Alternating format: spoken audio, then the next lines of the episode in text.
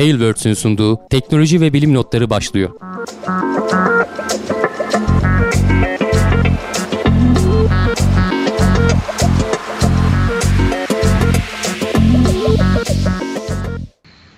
Teknoloji ve bilim notlarına hoş geldiniz. Ben Hamdi Kellecioğlu. Karşımda Cevdet Acarsoy var. Her hafta olduğu gibi yine teknolojimin gündemiyle karşınızdayız. Nasılsın Cevdet? İyiyim Hamdi abi seni sormalı. Ben de iyiyim. Ee, biraz konuştuk aslında yayından önceki kuliste. Ee, bu nasılsın kısmı biraz kolpası oluyor işin değil mi? evet. Teknoseyir'de kolpa olmaz ama tekrar ediyoruz biz bunu evet. yayın öncesi kuliste.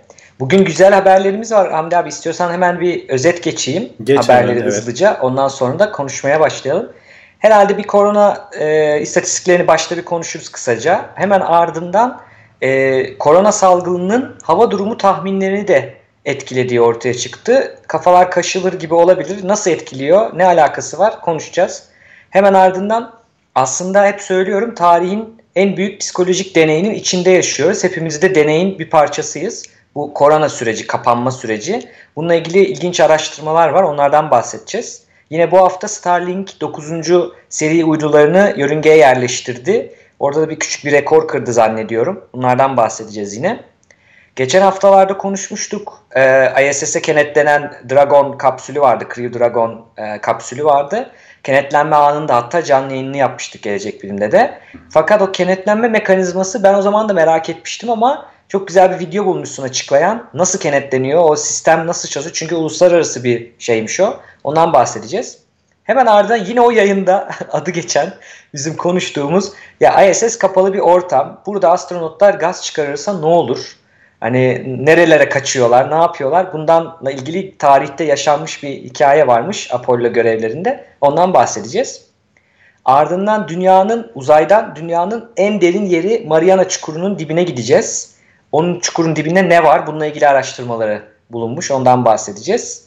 Son olarak da sabunun kirli tarihi diye başlık atmışsın. Sabunun kirli bir tarihi var gerçekten de. Ondan bahsedeceğiz. Yani bugün kullandığımız sabun nasıl geldi? En sonunda yine bir Pepsi vukuatı. Tarihten Pepsi firmasının hikayelerini çok seviyoruz anlatmayı. Yine Pepsi'nin bir büyük çekiliş çuvallamasını anlatarak bitireceğiz. Evet kısacası böyle. İstersen korona istatistikleriyle başlayalım. Senin yapacağın bir duyuru evet. falan var mı? Ee, şey var. Bu cumartesi Celal Şengör Hoca yine geliyor bize. Gelecek Bilim'de e, izleyebilirler. 9'da bizim kanalda. Ee, Kuzey Anadolu fayını anlatacak bize. Sunum Hı-hı. getirecek. Kuzey Anadolu fayını anlatacak. Ardından biraz havacılık konuşacağız. Biraz da Asperger sendromunu konuşacağız kendisiyle. Kendisine var biliyorsun. Hı-hı. Böyle duyurmuş olayım. E, dün de Emrah Safa Gürkan Hoca vardı e, yayınınızda. Evet. Hani tekrarı YouTube'a koydunuz mu? E, bir hafta sonra YouTube'da olacak. İşte dün varsa haftaya pazar çıkar. Tamam. Yani cumartesi Celal Şengör o zaman pazarda ESG videosu mu yayında Tekrarını izleyebilirler. evet. Gelecek Bilim'de kanalını takip etsinler. Bu arada hazır hani söylemişken TeknoSeyir'de destek olmayı unutmayın tabii ki arkadaşlar. Bu kanallar sizlerin destekleri sayesinde dönüyor. Katıl butonuna tıklayın. Desteklerinizi esirgemeyin. Ee, hemen başlayalım o zaman Cevdet. Bugünkü sayılarla başlayalım istersen. 1592 olarak açıklandı yeni vaka sayısı. Hayatını kaybeden sayısı da 18. Ee, ama hani beni asıl ilgilendiren şu e, günlük vaka sayılarındaki hafif hafif olan artış. Ee, en düşük seviyeye işte 1 Haziran 2 Haziran tarihlerinde 786 kişi günlük yeni vakaya ulaşmışız. Sonra ufak ufak yavaştan iplerinde salınmasıyla artmaya başladı. Bu artış hızı özellikle o 1 Haziran'dan sonra bir 10 günlük süre olan 11 Haziran'dan itibaren artmaya başlıyor. Hemen 1200'ler işte 1500'ler. İki gündür de işte artık bugünkü sayı 1600'e geldi diyebiliriz. Bu muhtemelen böyle biraz daha artmaya devam edecek. Hani asıl merak ettiğim nokta benim. Nerede yani bir yerde tepe yapacak mı yoksa artık kontrolden çıkacak mı? Veya devlet e, yetkilileri ne zaman bir önlem alma e, durumuna geçecekler. Çünkü tamam uyarı yapıyorlar. Sağlık Bakanımız e, habire söylüyor işte sosyal mesafeye dikkat edin, elinizi yıkayın vesaire falan ama sonuçta e, yasakları kaldırınca falan insanlar o kadar da dikkat edemiyor. Hani ben kendimden de biliyorum ne kadar elimden geldiği kadar dikkat etsem de o maskeyle iş yerinde akşama kadar durmak mümkün olmuyor. Bir yerde çıkarıyorsun. Nefes alayım diyorsun. İşte o arada aldığın nefesle başına bir şeyler geliyor olabilir ki zaten maskede hep söylüyoruz. O kadar da korumuyor aslında. Hani biraz çevreyi e, senden çevreyi koruyor falan o mantıkla yapılan bir şey. E, bir yandan her girişte çıkışta ateşimiz falan ölçülüyor ama onun da pek de bir anlamı yok. E, sadece zaman kaybı gibi göstermelik şeyler. E, ne yapılacağını bilemiyor. Biraz önce de konuştuk. E, sınavlar ertelensin istekleri var. E, ama ertelenirse nasıl işin içinden çıkılacak falan gibi karma karışık durumlar var. Açıkçası kolay değil. Hani bu bize özgü de değil. Bütün dünyada da benzer durumlar söz konusu. Senin bilmiyorum Hollanda'dan veya Avrupa'dan gözüne takılan farklı bir durum var mı? Ya Avrupa rakamlarına çok bakmadım. Hollanda'ya bugün baktım. Yayından önce bakıyorum aslında. Normalde hiç kontrol etmiyorum. Ee, size verdiğim tavsiye üzerine ben de uyuyorum. Ama e, büyük artışlar yok. Hani açılalı onların e, 1 e, Haziran'da bizim gibi. 1 Haziran, Haziran'dan sonra ya halkta da onu şöyle görüyorum. Sokaklar dolu. Hiç olmamış gibi cıvıl cıvıl. Ama mesafelerine dikkat ettiklerini görüyorum 3 aşağı 5 yukarı. E, ama daha da ötesi senin de dediğin gibi şöyle bir risk taşıyoruz. E, şimdi bir kere korona pik yaptı atlattık. Ve biz burada bir şeyleri doğru veya yanlış yaptık. Bir de şans faktörü bir şekilde korona bulaşmadı bize. Şimdi biz hemen öğrenen canlıları şöyle öğreniyoruz. Tamam demek ki bu kadar tehlikeli değil. Bak şu ana kadar olmadı bundan sonra da olmayacak gibi bir algı öğreniyor. Beyin çünkü rahatlaması lazım beynin. Sürekli tetikte kalmaya uygun değiliz. Yani sürekli kaç savaş modunda işte kalamayız. Hemen bir izleyicimiz söylemiş sıkıldık artık 4 aydır korona. Ölen 5000 kişi onların da büyük çoğunluğu 65 yaş üstü diyor. Bu e, düşünce çoğu kişide var. Hani bizde de evet. var yani sıkılıyoruz artık ama işte sorun şu ki e, istatistiklere baktığın zaman işte e, kaçtı? Toplam vaka 180 bin desek yuvarlak 5 bin kişisi. Yani yüzde işte 2,5-3'e denk gelen bir oran. Sen bu 180 bini eğer işte 18 milyon yaparsan o 5 bin kişinin ne olacağını hesapla işte oradan. Yani e, acayip rakamlara ulaşabiliyorsun. E, bunun olmamasına uğraşıyorlar aslında. Tabii herkes ölenlerin tamam büyük bir kısmı da 65 yaş üstü vesaire falan deniyor ama sonuçta onlar da bizim büyüklerimiz yani hani akrabalarımız vesaireler, yakınlarımız, sevdiklerimiz e, dikkat etmek gerekiyor yani elinden evet. ne yaparsan yap dikkat yani edilmesi ölümleri gerekiyor. engelleyebileceksek hayatımızda yaptığımız nispeten küçük değişiklikler büyük de olabilir e, yapılması taraftarıyım gibi geliyor bana ama hani şey diyebilirler yani ben ne kadar değiştiririm ben evden çalışıyorum dışarı çıkmamaya gayret ediyorum çıktığım zaman görüştüğüm insanlar belli Hani bu benim alabileceğim önlem bu aslında yaptığım. Çok da büyük bir şey yapmıyorum. Ama kimileri için öyle değil. Dediğim gibi işe gidiyorsun ve o maskeyi takmak zorundasın ya da işte takmıyorsun. Genel olarak şey algısından kurtulmamız lazım. Bir şey bitmedi daha. Ne bir savaş kazandık ne bir savaş kaybettik. Herhangi bir şey bitmedi. Korona şey demiyor. Yani biz yoruluyoruz da korona hani onu bir kişiselleştirelim hadi. Ah yorulmuşlar ya 4 ay olmuş yorulmuşlar ben de bırakayım demiyor korona. O da hayatta kalmak için veya işte bir bilinci yok zaten virüs. Bir şekilde o da devam ediyor yani onun gücünden bir şey kaybolmamış, bulaştığında öldürücülüğünden azalma olmadı yani. Bu de her, hafta söylüyoruz. Bu bizim yapay koyduğumuz bir sınır kendi kafamıza göre. Dolayısıyla tekrar e, zirve yapabilir. Yaparsa da yine aynı aynı önlemleri alacağız. Elimizde başka bir şu an için yöntem yok. Savaşma yöntemi yok. Ya bir yandan da Cevdet hani korona konuşmayalım diyoruz ama sonuçta o kadar çok şeyi etkiliyor ki bak işte sıradaki habere geçersek tamam hani hı hı. istatistikler falan aşağı yukarı her hafta benzer şeyleri söylüyoruz ama haberlere baktığın zaman çok alakasız yerlerde etkilerini görüyorsun. Hani bir ara dedik ki yapay zekaları bozuyor. Marketlerin falan o işte ürün stok sistemlerini bozuyor. Şimdi hava durumu sistemlerini de bozuyormuş e, tahminlerinin e, oranlarını düşün. Nasıl oluyor dersen işte e, ekrandaki görüntüden aslında biraz anlayan anlamıştır. Uçak Hı-hı. seferleri yerde, gemi seferleri yapılamıyor. O cruise seferleri vesaire falan. E, meteorologlar bunların üzerindeki sistemlerden e, veriler alıyorlarmış. Özellikle de Amerika'da önümüzdeki aylarda e, fırtına sezonu başlıyor. E, ve onların biliyorsun hani e, kıyıları bayağı ciddi fırtına tehdidi, tehdidi altında. Bizim buralarda pek yaşadığımız şeyler değil ama e, bayağı geldiği zaman ortalığı yıkıp yok edebiliyor. Sel baskınları falan da hani işin cabası oluyor. E, bunları tabii önceden tahmin edebilmek için de bir sürü her yere meteoroloji istasyonları kuruyorlar ama sonuçta okyanus üzerinden geliyor bunları. Her yere de o kadar da kuramıyorsun. Hı. Ne yapıyorlar? Oralardan geçen uçaklardan yararlanıyorlar. İşte oralardan geçen gemilerden yararlanıyorlar. Onlardaki dataları topluyorlar ve e, bir yandan da şunu söyleyeyim. Uçaklar tabii ki fırtınanın içinden geçmiyor. Onun etrafından geçiyor. Mümkünse fırtına varsa olabilecek bir durum varsa o rotayı takip etmiyorlar ama hani uzmanların söylediğine göre onun etrafındaki durumlar bile biz oradan bir çıkarım yapabiliyoruz diyor. Fırtınanın ne tarafa doğru hareket edebileceği ile ilgili. Hani o, o data bile bizim için çok önemli. Zaten bir algoritmaları falan var. E, şimdi bu algoritmalara e, eklediğimiz, beslediğimiz datalara %80'i 90'ı gelmiyor diyor adam. E, bu dolayısıyla tahmin e, şeyini çok düşürmüş durumda. Doğruluk Tabii, oranını. veri azalıyor çünkü. Yani o algoritmanın da ne kadar çok yani, veri o kadar tek doğru. kaynakları bunlar değil tabii ki. Mesela uyduları da kullanıyorlar. İşte meteoroloji balonları var. Onları da kullanıyorlar. Yer istasyonları da vardır adalarda vesairelerde falan. Onları da kullanıyorlardır ama işte sonuçta çok önemli bir kısmı da eksik kalmış oluyor. Ee, yani böyle bir etkisi hiç düşünmediğin bir yan etkisiyle karşılaşabiliyorsun. Ben burada şunu öğrendim. Şimdi ben uçaklarda hava e, hava durumu radarı var. Bir de yer radarı var. Genelde e, kalkışta önce işte kaptan ve yardımcı pilot şeyinde karar verilir. Hani neyi sen alıyorsun? İşte atıyorum her ikisini de gösteriyor da ekran. Hani ben terrain'i alıyorum. E, yeri gösteren tarafı alıyorum. Tarıyor. Nerede yükseklik var. Tabi çok yukarıdan yere yakınken çalışıyor. Bir de hava durumu radarı var. O da sürekli tarıyor. O uçağın ön burnunda içinde bir tane şey var böyle sürekli dönen. E, ön, öndeki kapağın içinde diyelim. E, o da onu alıyor. Şimdi ben o verinin sadece pilotlar kullandığını düşünür, düşünüyordum. Burada onu öğrendim ilk defa. Çok şaşırdım. O veri zaten radar verisiyle yere gidiyor ve toplanıyor bütün uçaklar. Yani otomatik bir şey. Bunu tek tek rapor etmiyorlar.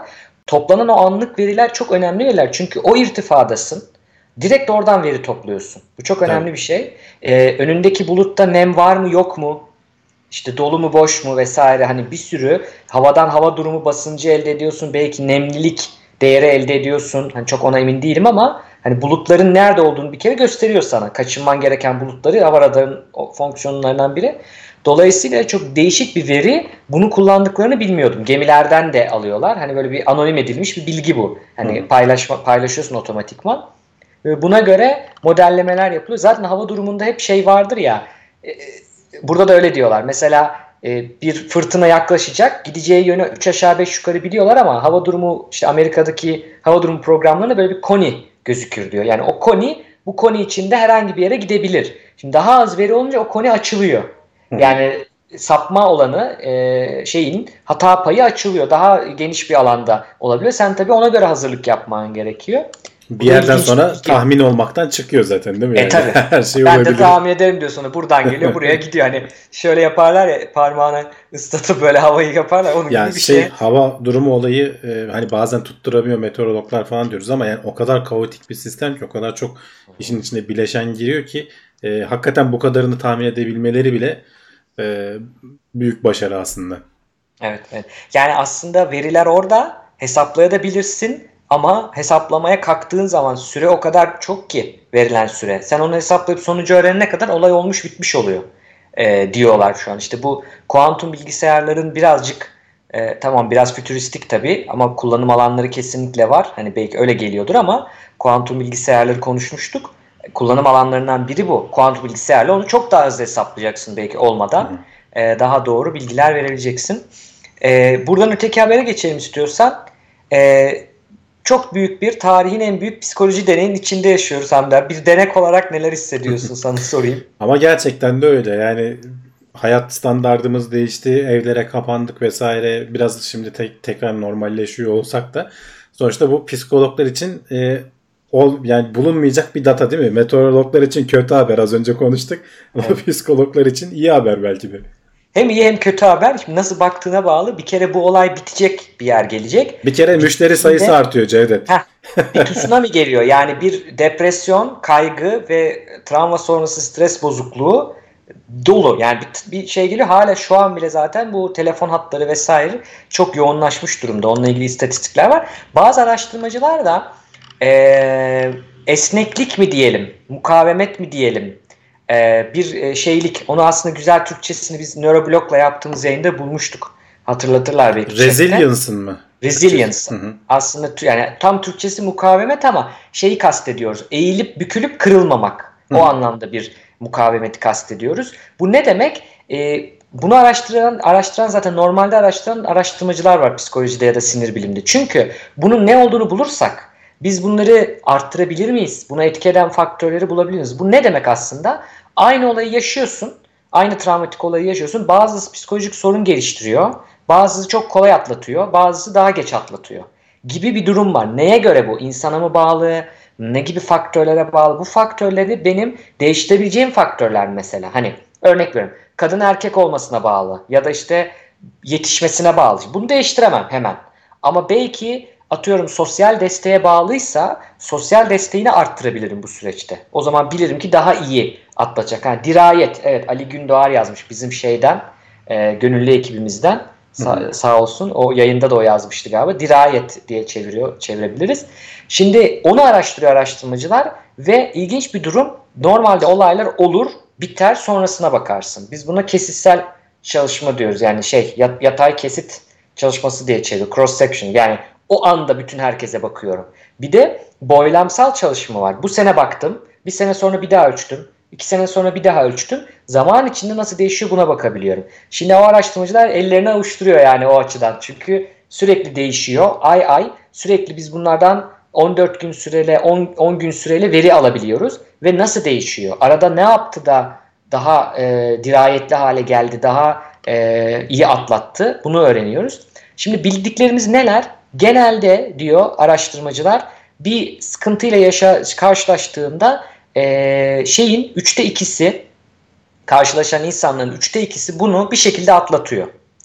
E, bunlar işte o dirayeti olan insanlar. Onu farz ediyoruz. Ama, Bu arada e, Cevdet e, şeyi düzelteyim. E, dirayet yanlış bir çeviri. Çünkü yani şimdi tam karşılığına baktım. Beceriklilik, yetenek, ustalık, kavrayış, zeka falan gibi bir karşılığı var. Evet senin dediğin gibi dirayet dediğin zaman bana da mantıklı gelmişti ama biz onu muhtemelen günlük dilde yanlış kullanıyoruz. Resilience'ın karşılığı kesinlikle dirayet değil yani. Değil. Dayanıklılık veya mukavemet diyelim o evet, zaman. Evet öyle demek lazım. Ee, tamam çok güzel dedin onu. Ya, sonuç yanlış bir yere de gitmesin dediğin gibi. Şimdi şey örneğini veriyor araştırmacılar. Yeni çıkan böyle bir fidanlar bazı bitki fidanları böyle hani koparmaya çalışanlar olur e, çocukken falan. Hani fark edersin kopmuyor yani. Kırılmıyor da. Fidan gibi kırılmıyor. Böyle tekrar aynı şekle geliyor. Hı. Böyle bir şey düşünüyorlar aslında araştırmacılar. Böyle bu örneği verirsek bu metaforda insanların böyle psikolojisi olması. İşte üçte iki insan zaten böyle diyor. Onlardan öğreneceğimiz neden öyle oldukları. Hı. Bir de üçte bir insan da böyle değil. Ee, sıkıntı yaşıyorlar, atlatamıyorlar mesela. Bunun neden atlatamadıklarını, nasıl bunlara yardım ederiz bunu araştırıyorlar aslında. Burada da bazı faktörler uzun bir yazı. Hepsini anlatmayacağım. Hani merak edenler okusun. Ee, şimdi genel kural olarak şunu biliyoruz. Ee, üçte ikisi bunu atlatıyor bir şekilde. %25'i olayla karşılaşanların %25'i kısa süreli geçici olarak depresyon ya da mesela işte travma sonrası stres bozukluğu gibi hastalıklar gelişti ama bunlar geçiyor zamanla. %10'u ise kalıcı hastalık bırakıyor. Psikolojik hastalık bırak, bırakabiliyor %10'unda. Şimdi bu önemli aslında. O %10'u da e, şey yapmamız için, e, çözmemiz için. Ve bazı faktörler söylemişler. Mesela ne gibi kendinizde varsa bunları sağlayabilirseniz insanlarda onun için de örnek veriyorum. E, koronavirüsle ilgili de optimizm yani şeylik, e, iyimserlik olaylara iyi yanından bakmak. Polyanlacılık değil ama iyi yanından bakmak. E, bir perspektifi, bir bakış açısını sürekli tutabilmek. Yani mesela bir perspektif aldın, sağlıklı bir perspektif, sağlıklı bir bakış açısı. Burada çok dalgalanmadan bunu tutabilmek. Güçlü bir sosyal destek. Yani arkadaşın vardır, ailen vardır ama sorunlarında onlara gidebiliyor musun?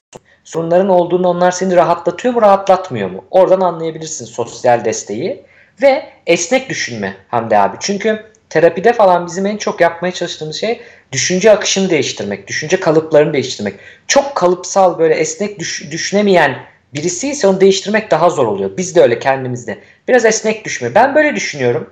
Ama bunun bir alternatifi olabilir mi? Hep kendini bir bilim insanı gibi kendini sorgulamak, kendine karşı çıkmak, e, challenge etmek aslında düşüncelerini güzel olabilir. Bunların daha iyi başa çıktığını bulmuşlar. Onun dışında tabii araştırmalar gelmeye devam ediyor. Bir kere psikologlar diyor ki yani o kadar ilginç bir durum ki sonu yok. Bildiğimiz bir sonu yok. Hani süreye bağlı yapamıyorsun. Bir, diğeri o kadar çok şey etkiliyor ki hem seni sosyal çevrene koparıyor. Hem sevdiklerini kaybedebiliyorsun, kaybetme korkusu yaşayabiliyorsun. Hem işte işini kaybetme korkusu yaşıyorsun finansal olarak. Ee, hem kendim hastalık kapacağım mı onun kaygısını yaşıyorsun. Acayip bir hani böyle birini hasta etmek için bize bir paket sun deseler bu kadar sunamazdık diyorlar bu durum. O yüzden cidden e, zor bir durum. E, bu konuda da e, bu dediğim faktörlere dikkat etmekte fayda var. Bir de sen başta şey dedin. E, bir başka şey için örnek verdin ama aşılanmak. Yani bir şeyi olmadan önce burada da onun hikayesini anlatmışlar. travmatik olaylar yaşayan insanlar genelde başka olaylar yaşadığında bunlara daha hazırlıklı oluyor. Aşılanmış oluyor. Biz buna psikolojik aşılanma diyoruz. Yani nedir aşıda? Zayıflatılmış mikrobu verirsin. Vücut savaşmayı öğrenir ya. Burada da aşılama. O fikri veriyorsun. O kötü düşünceyi veriyorsun ama daha basit. Daha rahat halledilebileni veriyorsun. Buna aşılandığın zaman sen gerçeğini yaşadığında o kadar etkilenmeyebiliyorsun. Bu da önemli bir faktör olarak bulunmuş. Bunu sanki evet. daha önce konuşmuştuk hatırlıyorum ben. Evet. Evet. Bu önemli bir e, kavram aslında. Hani e, e, yani vaccination ya da inoculation diye aratırlarsa hani psikolojik aşılanma taktiği. Mesela bunu şeyde de kullanıyorlar. Mesela nasıl diyeyim? Senin fikrini değiştirecek birileri var. Hani gittiğinde fikrin değişmesini istiyorsun. Ne bileyim beyin yıkanacak falan. Önceden onlara karşı aşılanıyorsun. Bak bunlar böyle böyle der ama bunlar yalandır. Sen kanma diyorsun. Ona aldın mı hani beni kandırıyorlar kafasına girdin mi hiçbir şekilde onlardan etkilenmeyebiliyorsun mesela. Böyle e, araç şeyler de var. Pazarlama araştırmaları da var. Hı hı. Ben böyle özetleyeyim. Uzun bir yazı ama e, senin bir sorun varsa benim bir sorum yok. Bu e, resilience muhabbetinden ben üniversite yıllarıma döndüm. Bizim strength diye bir dersimiz vardı. Ee, sen konuşurken bir yandan da ufak tefek bir grafikler buldum. Onları göstereceğim. Şimdi resilience, toughness falan diye İngilizce'de terimler var. Bunların hani Türkçe karşılıkları birebir yok benim bildiğim kadarıyla. Ee, ikisi de dayanıklılık, direnç falan gibi ama bir grafikle anlatırsak daha güzel anlayacak. Şimdi e, bütün maddelere bir stres uyguladığın zaman belli bir deformasyon olur. Buna da strain denir. E, ve bunun da bir grafiği vardır. Şu soldaki gördüğün grafik e, sen stresi arttırdıkça önce belli bir miktar şey gider düz bir şekilde ilerler. Bir yerden sonra yield noktası denir. O yield şeyine geldiğin zaman hani artık kendini salar mı? Türkçeleştirmek zor bunları. e, tam işte o noktaya yani resilience şu e, alanın altında kalan nokta. E, elastik limite kadar olan e, bıraktığın zaman burada sen stresi kaldırırsan madde eski haline geri gelir. Herhangi bir deformasyona uğramadan. Ama sen bunun üstüne eklemeye devam edersen buraya kadar eklediğin enerji işte resilience'ını veriyor bir maddenin. Bunun üstüne e, stres yüklemeye devam edersen artık deforme olmaya başlıyor ve geri dönülemez bir şekilde.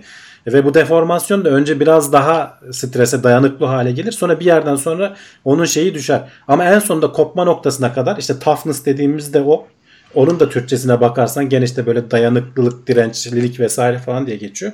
Ama birbirlerinden aslında bayağı farklı şeyler.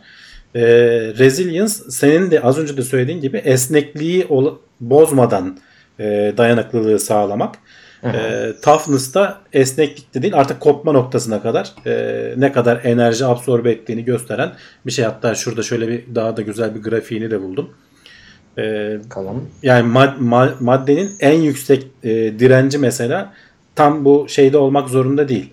E, elastik sınırda olmak zorunda değil. Ondan sonra biraz düşse de biraz bir miktar daha güç e, şey yapıyor. Çok değil tabii ki. Asıl elastik nokta grafikte görüldüğü gibi aşağıdan yukarıya düz çıkan bir yer. Hı hı. Ondan sonra da ama hala kopana kadar da bir miktar daha enerji absorbe etmeye devam ediyorsun sen. Hı. Bak yılmazlık demiş Hasan Çelik. Aslında perseverance yılmazlık değil mi? Evet yani, o e, sebat, e, sebat azim falan gibi. Ya işte biraz dilin Zor zenginliğiyle biraz. alakalı bir şey bu. Yani ya dil bence zengin de ama biz yani eski kelime de vardır o. Eski Yeni kelime de var zaten. Onu, onu söyleyecektim. Evet. Şimdi bizim günlük hayatta kullanmadığımız böyle artık hani Osmanlıca dediğimiz kelimelerde bunun illaki bir karşılığı vardır. Evet. Bunun mukavemet mesela, diyoruz mesela. Mukavemet yani çok evet, günlük mesela, herkesin kullandığı bir kelime değil. Ya şu anda tam örneklerini hatırlamıyorum ama bir yerde okumuştum. Galiba sanırım Sevan Nişanyan'ın bir yazısıydı. Çıkarma Hı. diye bir kelime mesela. İngilizce'de o kadar çok var ki extraction var işte e, ne bileyim başka bir sürü şey var. Türkçe'de biz işte mesela kusmakta da bazen çıkarmayı kullanıyoruz. Bir yerden bir şeyi çekip çıkarmayı da kullanıyoruz. Ama bunların hepsinin bir karşılığı var aslında Türkçe dilinde ama bunları biz kullanmadığımız için biraz böyle kitap okuma alışkanlığımız vesairemiz falan da zayıf olduğu için kaybetmişiz. Dil biraz çoraklaşmış yani zenginlik kaybetmişiz. O yüzden mesela İngilizce'de olduğu halde Türkçe'ye çevirmekte bazı şeyleri zorlanıyoruz. Halbuki tek bir kelimesi olsa e, mukavemet gibi ve onu herkes anlasa hayatımız ne kadar Kullanıldı. Üniversitelerde de tabii bak mesela şey demiş esneklik diye galiba senin alanda işte inşaat mühendisliğinde söylemiş. Esneklik Sadece inşaat mühendisliği şeyde diyor. falan da vardır. Makine mühendisliğinde vesaire falan. Hı. Yani pek çok mühendislik dalında kullanılır. Evet. Mesela ben şimdi Turing'e baktım. Orada genelde iyi bir yani iyi bir sözlük kullandığım bir sözlük. Çünkü şey bazlı, alan bazlı mesela psikolojide nasıl çevriliyor, ne bileyim otomotivde nasıl çevriliyor diye bak bak verebiliyor. Psikolojide psikolojik sağlamlık demişler. Hı hı. Bana daha yani mantıklı geldi. Aa, Aslında... Evet mantıklı bak bir anlamını iletebiliyorsun ama mesela iki kelime de var. Psikolojik sağlamlık. Evet. Veya işte Tek başına iletemiyorsun evet. Mukavemet diye de çok çevirmişler ama aslında bizim bahsettiğimiz bir elastik olmak durumu. Yani bir sıkıntı yaşadıktan sonra bükülebilirsin, çok kötü olabilirsin, sorun yaşayabilirsin, psikolojik bozukluk olabilir ama buradan geriye dönmek, orada kalamamak. Yani toparlanabilme gücü e, diyebiliriz. Bununla ilgili yazıyı hani detaylı merak eden okusun uzunca bir yazı çünkü. Hani bu deney içindeyiz sonuçlarını bilmiyoruz ama bunun parçasıyız. E, ben de hatta şu anda yani veri toplama kısmındayım. Çok da bahsedemiyorum gizli olduğu için ama yani korona ile ilgili toplanıyor özellikle. Oradan da çok ilginç hipotezlerimiz var aslında e, baktığında neler sağladığına dair.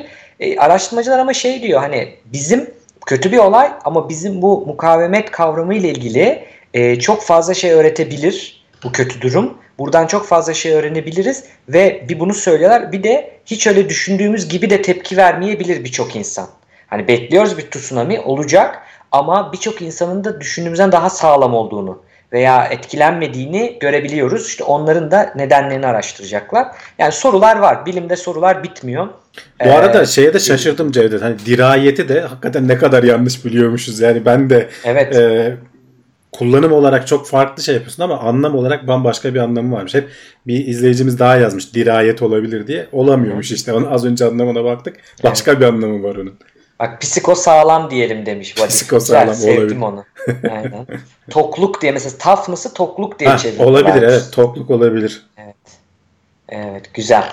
Şimdi buradan bir sonraki habere geçelim. Korona bu kadar. Az tutuyoruz. Uzaya çıkalım. Starlink yine e, uydularını gönderdi. En son e, şeyde konuştuk SpaceX'i. Bu işte insanlı görevde. Ama e, bir yandan Starlink ee, uyduları da devam ediyor. İnsanlı görevi yapacağız diye Mayıs ayında uydu fırlatmadılar yanlış bilmiyorsam. O yüzden son böyle iki hafta içerisinde ardarda arda iki tane Starlink görevi oldu. Biri 4 Haziran'da biri de 13 Haziran'da. E, bu son görev e, kendi içinde SpaceX bir rekorunu da kırmış. En e, fırlattıkları işte 39. E, fırlatma rampasından ard arda 10 gün içerisinde çok kısa bir süre kendi rekorları tekrar hazırlayıp bir tane daha e, Falcon 9 fırlatmayı başarmışlar. İşte bunu gitgide kısaltacaklar belli ki. Bu aynı ay, roket mi? Aynı, aynı yok aynı roket değil. Ama bu roket de daha önceden kullanılan roketlerden. Bunun birinci aşaması galiba ikinci kullanımıydı. Ee, üstteki o koruma kapaklarından biri de galiba daha önceden kurtarılan kapaklardan biriydi. E, bu e, fırlatmada 58 tane Starlink uydusu daha yerleştirdiler. Toplamda 538 mi ne oldu sayı. E, ee, 23 Temmuz'da ya da 22 Temmuz'da galiba bir tane daha fırlatma olacak Starlink fırlatması. E, 10. E, Starlink e, fırlatışı olacak. Ondan sonra bir de e, GPS uydusu fırlatılacakmış galiba. Yani bu ay içerisinde 4, 4 tane SpaceX e, uydu fırlatmış olacak. Yani bayağı e, aktif e, bir e, takvime girmiş durumdalar. Bu fırlatmada 58 tane demiştim. Normalde 60 tane oluyor. 2 tane eksik. Çünkü e, ride share program dedikleri bunda da böyle e, dışarıdan e, uydusunu göndermek isteyen firmalardan küçük uyduları kendi uydularının yanına ekleyebiliyorlar. 3 tane de bir başka firmanın SkySat mıydı? Bir firmanın SkySat uydusunu, evet Planet SkySat. 3 tane. Uydusunu eklediler. Onlar önce e, bu Starlink'in uydularından daha önce e, uzaya bırakıldı.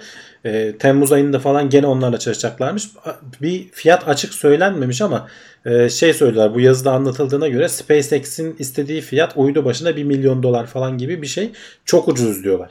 Yani e, hatta bu aralar gene fırlatması oluyor. E, Avustralya'da Yeni Zelanda'da galiba enerji e, miydi neydi bir firma daha var. Küçük uydu fırlatıyor. Onların e, uyduları e, 200 kiloya kadar uydu taşıyabiliyor. Maliyetleri 5-6 milyon dolar oluyor diyorlar. Bu uydular da SpaceX'in de işte 200 kiloya kadar küsuratları da var. 1 milyon dolara veya işte hadi bilemedin 2 milyon dolar olsun e, maliyetle e, uydu fırlatabiliyorlar. E, kendi uydularının vesairenin yanına ekleyerek ve işte birinci aşamayı tekrar kullanarak falan. Hani maliyetleri çok ciddi düşürmüş durumdalar. Bu o yüzden SkySat'ın yöneticisi hani biz bu şeyi çok makul bulup üzerine atladık gibisinden falan bir açıklama yapmış. Şeyi de konuşmuştuk geçenlerde. Hani bu kadar çok roket fırlatılıyor. Bunun küresel ısınmaya etkisinin çok da düşündüğümüz kadar büyük olmadığını araştırmalarla konuşmuştuk aslında değil mi? Evet, çok evet. büyük bir etki yapmıyor. Yani binde binde bir binde iki mi öyle bir şey konuşmuştuk sanıyorum. Şu anda Karbon hatırlamıyorum ama gerçekten etkisini. çok azdı yani. Hani Evet, yani- arkasında evet. biz böyle kocaman ateş topu görüyoruz ama zaten Hı hı. işte ayda bir tane, ayda iki tane, ayda üç tane olduğu için bunlardan e, öteki Hı hı. tarafta arabalar her gün vızır vızır çalışıyor. Uçaklar işte bu korona olmadan önce vızır vızır çalışıyorlardı. Onlarınki çok daha üstüne eklediğin zaman çok daha fazla oluyor. Evet, burada da şey ilginçmiş hani biz zaten aynı yöne gidiyoruz az benzin yansın gel sen de yanımıza mantığı SkySat'la değil mi yani boş Yani- yer var abi gel diye İşte eklemişler, zaten ilginç tam olmuş. olarak adamların işi bu olacak. Yani Hı. kendileri şey yaparken kendi iki tane uydusunu sığmadı herhalde muhtemelen. İki tanesini azaltmışlar. 60 değil 58 göndermiş. Bir sonraki görev 60 olacak mesela. Gene. E, bu arada şeyi de gördüm. Geçen Twitter'da gördüm. Birileri e, denemeye başlamışlar sanırım. E, bu Starlink'in bağlantısını. E, Elon Musk falan da cevap vermiş. Şey diyorlar bayağı evdeki Wi-Fi'ye bağlanmak gibi olacak diyorlar. Hani o kutusunu alacaksın neyse artık o nasıl bir sistemse. E, uyduyu gökyüzüne çevireceksin. Hani öyle belli bir açıya çevir. Bilmiyorum, Şu anki şey gibi televizyon antenleri gibi Hı. değil. Gökyüzüne çevireceksin antenini ve bağlanacaksın diyorlar. Hani ev ağı gibi Wi-Fi sinyalini göreceksin diyorlar. Peki çatıda olmasına gerek var mı çanak? Yani muhtemelen muhtemelen var. doğru. Belki hani camdan falan da yapsan olur belki kenardan Hı. bir yerlerden ama herhalde daha iyi onun bir şeyi falan da olacaktır. Ee, ayarı vesairesi bilmem nesi olacaktır daha iyi çekmek için veya işte bir apartmanda bir tane büyük çanak olup belki yani herkesin paylaşımı için falan gibi farklı şeyler de olabilir. Sen bir takıldın Cevdet bu arada. Heh, şimdi geldi. Senin sesin kesiliyor Hamdi abi bende. Sen seninki de bende kesiliyor. Ee, ben benim Tamam, tarafta şimdi geliyor, senin şimdi tarafta güzel mı geliyor. bilemiyorum ama Evet, yayında drop olmadı herhalde. Ben bakıyorum yayına. Sıkıntı drop yok. görünmüyor. Evet. Ee, şey antenlerle ilgili hani çanak şeyle konuşuyorduk. Tabii sık göndermelerinin sebebi de o herhalde değil mi? Yani hep yönünü ona göre çevirmeyeyim, genel tutayım. O e, bir tanesi geçiyor üzerinden, öteki geçiyor. Hani gibi herhalde Tabii, bir tabii. e, Yani şey yapacaklar. gök- gökyüzünde yeterince uydular olacak. Hani konuşuyoruz bunu da bir astronomlar açısından bir sorun olma ihtimalinden falan da bahsediyoruz. Şu an tabii o seviyelere çok uzağız. Daha işte 500'lerde. Bunun işte 700'ü 800'ü geçmesi lazım ki Amerika'nın bir kısmına falan hizmet verebilelim diye ama hızlı bir şekilde yaklaşıyor. Geçen sene Mayıs ayında başlanmış bu arada. Hani 10 tane görevi e, 500 küsur uydu işte düşün bir yılda 538 uyduyu fırlattı adamlar yani. Çok iyi. E, bayağı Çok iyi. bir 12 rakam. bin miydi nihai hedefleri? Yani o öyle söyleniyor ama hani ilk hedefler böyle 1400 4000 falan o civarlarda olacak. Ee, o zaman hani dünyanın bayağı bir büyük büyük bir kısmına hizmet verebiliyor yere olacaklar. yaklaştırmışlardı. Sayı azalacak denmişti o zaman. O da güzel bir haber. Bu e, şey FCC'ye verdikleri rapor yani e, rapor demeyeyim de e, İzin şeyinde, evet. izin belgesini yani tekliflerinde ha teklif e, yapıyorlar. Orada onu demişler. Bu da ilginç. Bu tabii 5G mi 5 GHz mi falan. Şimdi 5 GHz ile 5G çok karışıyor ya. 5G bir şeyin 5. jenerasyonu. Generation'ın G'si o. Bir de 5 GHz var. O da band. Bizim mesela şu an işte AC miydi? Wi-Fi AC eski Evet, evet. adıyla şimdi 6 mı 7 mi bilmiyorum onu siz daha iyi bilirsiniz. Onların e, konuştuğu e, megahertz anlamındaki şey e, 2.4 GHz vardı Wi-Fi. Bir de 5 GHz şeyinde bandında Wi-Fi konuşuyor. Onlar aynı şey değil. Starlink hiç aynı şey değil. Çünkü onlar bu K bandı mı, Q bandı mı? Evet farklı garip bantlar. isimleri var. Ben de bilmiyorum o bantlar Çok nasıl. uzak mesafeye gidebilecek bir bant o. Yani bizim bildiğimiz normalde konvansiyonel kullanılan bantlardan değil. Hatta ben şey de duydum. Ee, bu bazı derin uzay iletişimlerinde kullanılan bantlar var. Şimdi orada da frekanslar ayrılıyor ya. İşte Dünyada FCC'den o yüzden o, o Evet, izinleri orada böyle bir- zaten. Uluslararası Astronomi Birliği FCC falan orada bir böyle bir frekansın satın alınması ya da başka birilerine verilmesi gibi e, şeyler de var. E, hikayeler de var yani orada o bandı almaları ama e, hızlı hızla devam ediyor. Yani kendi tekrar kullanılabilir roket olması, e, sık sık yapılması ilginç bir yere doğru gidiyor. Ticari bir uzay e, diye uzayın ticari geleceği diye konuşabiliriz. E, bununla ilgili söyleyecek başka bir şeyin yoksa Hamdi abi ekleyecek. ISS'e geçelim istersen. ISS'te bu Boeing'in Starliner'ı veya işte Crew Dragon de kapsülü nasıl kenetleniyor bunlar birbirine? Evet bazen konuşuyoruz. Geçmişte konuştuğumuz e, bu uluslararası kenetlenme sistemi işte docking sistem diye geçiyor. E, genel standart bir bağlantı e, sistemi oluşturmuş NASA. Hani herkes de kendini buna uygun yapıp e, başka işte ileride devletlerin falan şeyleri de olursa şu an sadece Amerika'nınki var gerçi ama e, olursa bu e, yapıyı kullanarak e, birbirlerine bağlanabilecekler. Hatta bu yapı muhtemelen gelecekte bayağı standart hale gelecek ya da bilmiyorum biraz daha belki. Soyuz mesela Soyuz da bununla bağlanıyor o zaman. Yok Soyuz'unki farklı. Farklı onun, onun onun onun sistemi farklı. Bu NASA'nın e, uluslararası anlamda kendine şey yaptığı sistem.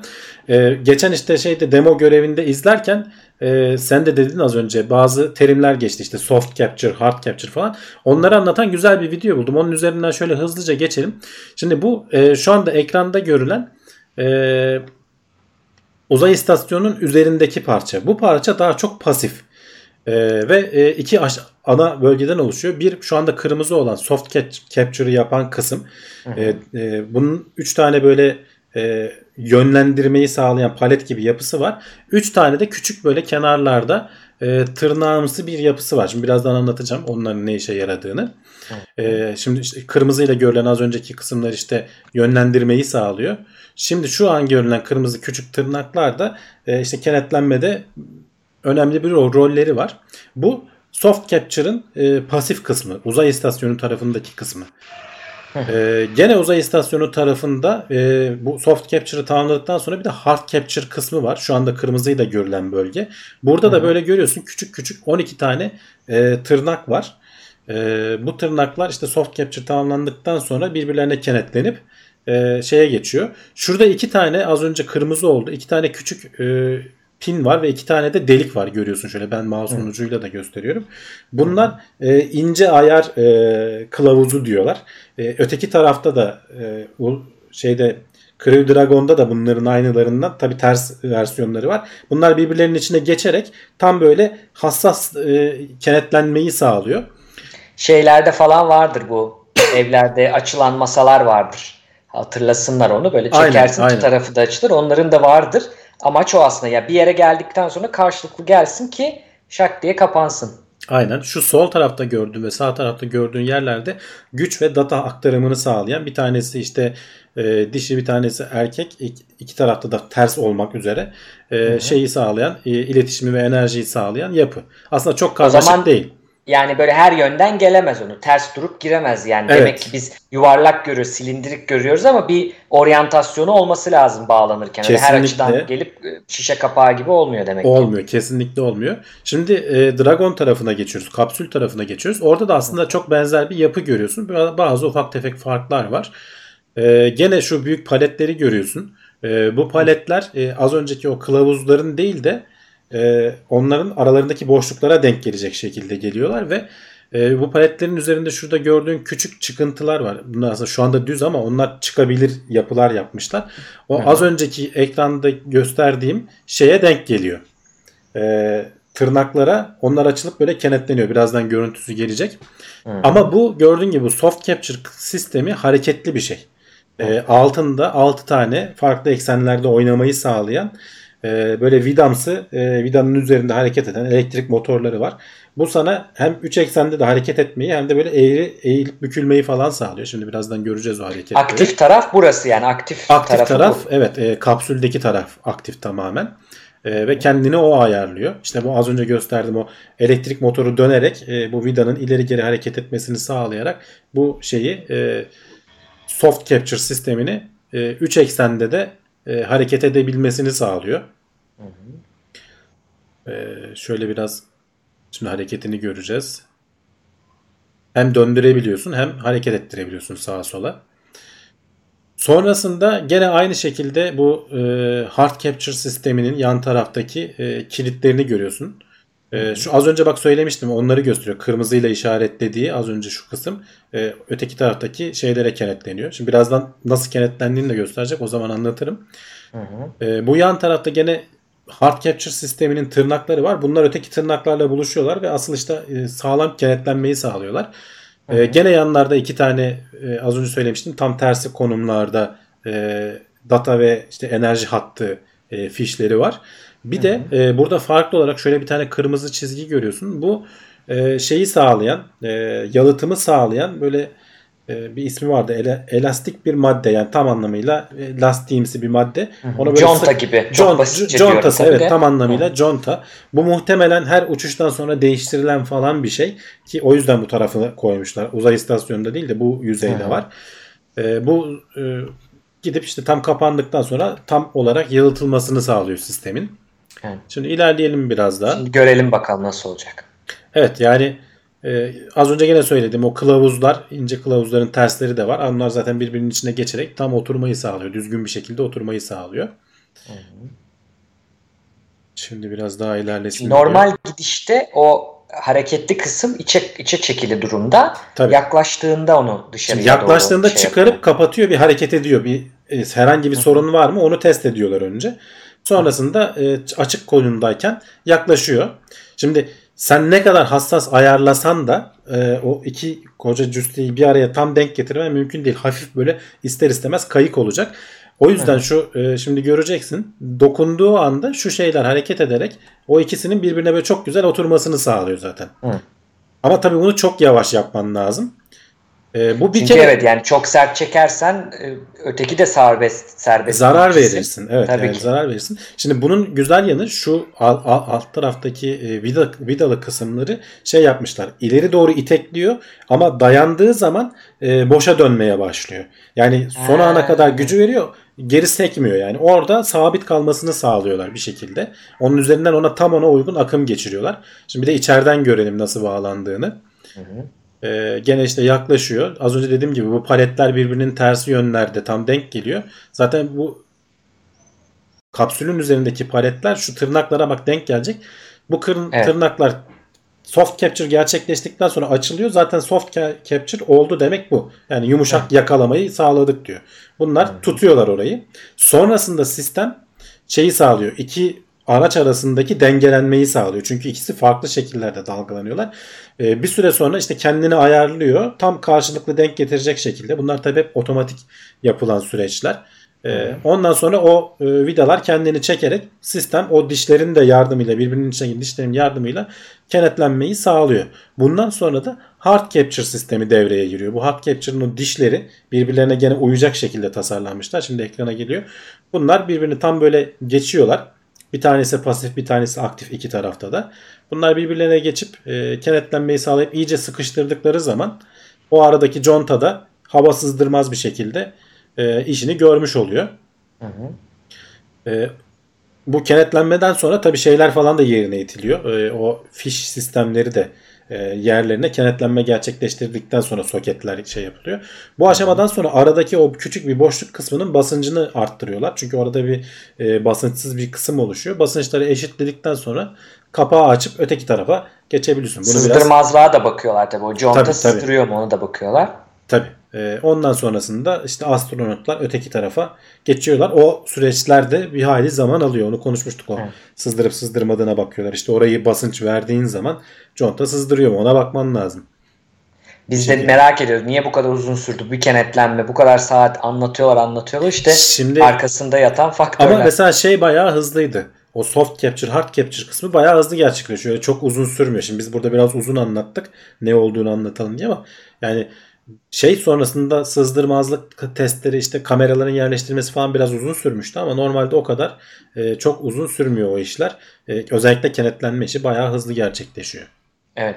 Bu arada aldığımız kanalı da söyleyeyim. Simply Space diye bir kanal. 13 bin abonesi var e, güzel işler yapıyor. Bakabilirsiniz. Ya yabancı. ben baktım başka videoları var mı diye. Hani böyle güzel videolar yapmış adam. Animasyon yapmış. Bir tane daha ISS'in o yönünü, torkunu nasıl ayarladığı bu tork tekerlekleri vesaire anlattığı bir video var. Onu da beğendim. Onun dışında çok fazla videosu yok. Keşke olsa. Evet. Evet işte destek verelim böyle başlayan kanallara. Söylemiş olalım biz de kaynağımızı göstermek adına. Şimdi buradan yine uzaydan devam ediyoruz Hamdi abi. Geçenlerde konuşmuştuk. Astronotlar gaz çıkarırsa ne olur? Onlar da insan sonuçta. Ama sıkıntı kapalı bölgedeler yani ISS'te vesaire. Şimdi bir kere NASA bu işi çok ciddiye almış. Ben de onunla ilgili bir video geçen, buldum. Geçen hafta şey konuşmuştuk hatırlarsan. Geçen hafta mıydı? Önceki hafta mıydı? Belli yerlerde karbondioksit birikmesi vesairesi falan olabiliyor. Hı-hı. Sonuçta havalandırma o kadar sirkülasyon falan olmadığı için bir de yer çekimi falan da olmadığı için e, dünyada olan bu konveksiyon, akımlar vesaire falan uzayda olmayabiliyor ve belli yerde bazı gazlar toplanıp kalabiliyor. E, karbondioksit olduğu zaman başka dertler var. İşte astronot gaz çıkar zaman metan gazı vesaire olduğu zaman ki biliyorsun yanıcı bir gaz başka dertler evet. ortaya çıkabiliyor. O yüzden NASA bunu çok ciddiye alıyor. Şimdi bu videonun altındaki yorumlarda da şeyi çok güzel. Bu SciShow Space diye, SciShow diye bir grup var yani kanalları var. SciShow, SciShow Psych, SciShow Space varmış onu gördüm. 1.3 milyon abonesi var. Bu da artık desteğe ihtiyacı yok. Onlar kendileri Bunları kurtarmış kurtarmış. Ee, neyse onların da altına yorum, yorum şey çok güzeldi. Şimdi diyor Gravity filminde bütün ISS'in niye bu kadar çabuk alev aldığını diyor. Şimdi anladım diyor yani. o olabilir. Şimdi bir kere metan gazı oluyor dediğim gibi birikiyor. Ee, bu bir yan, yanıcı bir gaz. Dolayısıyla kendinden de alev alabilir bir şekilde bir yere şey yapıp buna dikkat ediyorlar. Fakat ondan önce şunu düş bakmışlar. Apollo 15 e, astronotları Ay'a gittiğinde sürekli onlardan veri alınıyor işte sağlık verisi. Şunu fark ediyorlar aritmiya var yani kalp ritimlerinde bir düzensizlik var bu e, astronotların. Bu da şimdi tabii ki sıkıntı yani orada hastane yok bir şey yok yanlarında doktor yok bu önemli uzun mesafelerde gidiyorlar. Geri döndüklerinde inceleme yaptıklarında bunun potasyum eksikliğinden olduğunu e, fark ediyor NASA. Ya o potasyum eksikliği sonra... neden oluyor? Çünkü belli bir bunların diyetleri var. Yani belli şeyler yiyebiliyorlar sadece.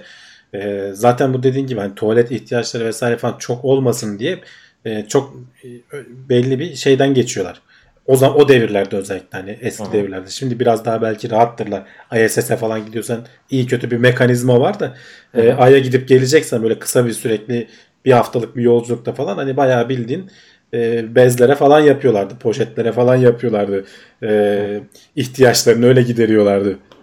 Konuşmuştuk onda evet. Evet konuşmuştuk. Şimdi o yüzden Apollo 16'dan itibaren şimdi potasyumun da özelliği e, sodyum potasyum pompaları var sinir sistemimizde yani nöronların çalışması için. Şimdi hem beyinle ilgili ama daha da çok kalp kasının kontrolü, kalp kasındaki o sinir iletiminde önemli potasyum. O yüzden işte hani e, muz falan yiyin derler. Muzda potasyum vardır. Şimdi onun için adamlar da diyor ki potasyum. Yani potasyumun hani toz olarak verecek nasıl ama tadı falan acı. Acı olduğu için de şey yapıyorlar. Bunu bir meyve suyuna işte e, limon suyuna portakal suyu gibi tabii onun şey hali o e, kurutulmuş poşette halle veriyorlar ya. Hı hı. Onlara veriyorlar ve günde birkaç kez bunları içmelerini zorunlu tutuyorlar Apollo 16 astronotlarına. Şimdi videoda onun aslında sesi var bilmiyorum verebilir miyiz ama şimdi NASA'nın bütün konuşmaları biliyorsun halka açık o yıllarda da ve bütün konuşmalarının transkripsiyonu yani yazılı hali de halka açık. Devlet kurumu olduğu için sanıyorum bayağıdır böyle yapıyorlar. Bunu tabi okuyan gazeteciler var. Orada bir yerde şey diyor komutan. Yani gene diyor gaz çıkardım diyor. Bu kaçıncı diyor. Artık içmeyeceğim bu portakalı. Gına geldi diyor. 20 yıldır bu kadar portakal içmedim diyor. Bu diyor mide asidi yapıyor bana. O yüzden gaz çıkarıyorum diyor. Halbuki portakalla hiçbir alakası yok. Potasyumla alakalı. Çünkü potasyum hem sodyum potasyum pompasında çalışıyormuş hem de hidrojen potasyum pompası var. O da ba- şey bağırsaklarda. Hmm. Sindirim sisteminde. Şimdi onun da çok çalıştığın zaman e, işte o şeyin hidrojen e, şeyinin salınması pH'ını bozuyor ve oradan da gaz e, artıyor aslında. Ona da sebep oluyor. Bunu tabii öngörememiş herhalde NASA. Herhalde ee, öngörememişler evet. Ya yan bir hikayede şu şimdi bu yayınlanıyor ya. Hani gülüyorlar işte aa işte bilmem ne astronotu gaz çıkardı ha ha falan. Fakat orada bu portakalla ilgili laf edince Amerika'da böyle yemek lobileri var. İşte bilmem ne ve, e, eyaleti portakal ve işte narenciye birliği falan var böyle büyük lobi birlikleri var.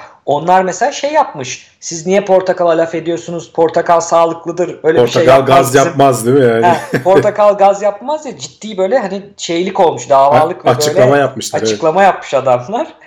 Dolayısıyla onu da böyle aklamışlar sonra portakalla alakası yok diye. Ama e, astronotların kalpleri de hiç teklememiş yani. Heh, evet. Apollo 16'da ve Apollo 17'de de bu zorunlu tutulmuş. Onlar da o yüzden biraz e, gazlı gitmişler yazık Apollo 17'lerde. Şey de bu ilginç Hamdi abi. Şu an ISS'te bunu bu arada ESA'nın bir programı var. Astronota bir çocuk geliyor böyle soru soruyor. Hani halktan sorular iletiliyor. Biri bir çocuk sormuş onu tabii ki. ISS'te gaz çıkarsanız ne oluyor diye. Adam da şey diyor yapabiliyoruz hani sıkıntı yok çünkü çok e, filtreleme sistemleri var. Hem kokuyu hem metanı filtreliyor bir tehlike yaratmıyor. E, onu haberiniz olsun diyor.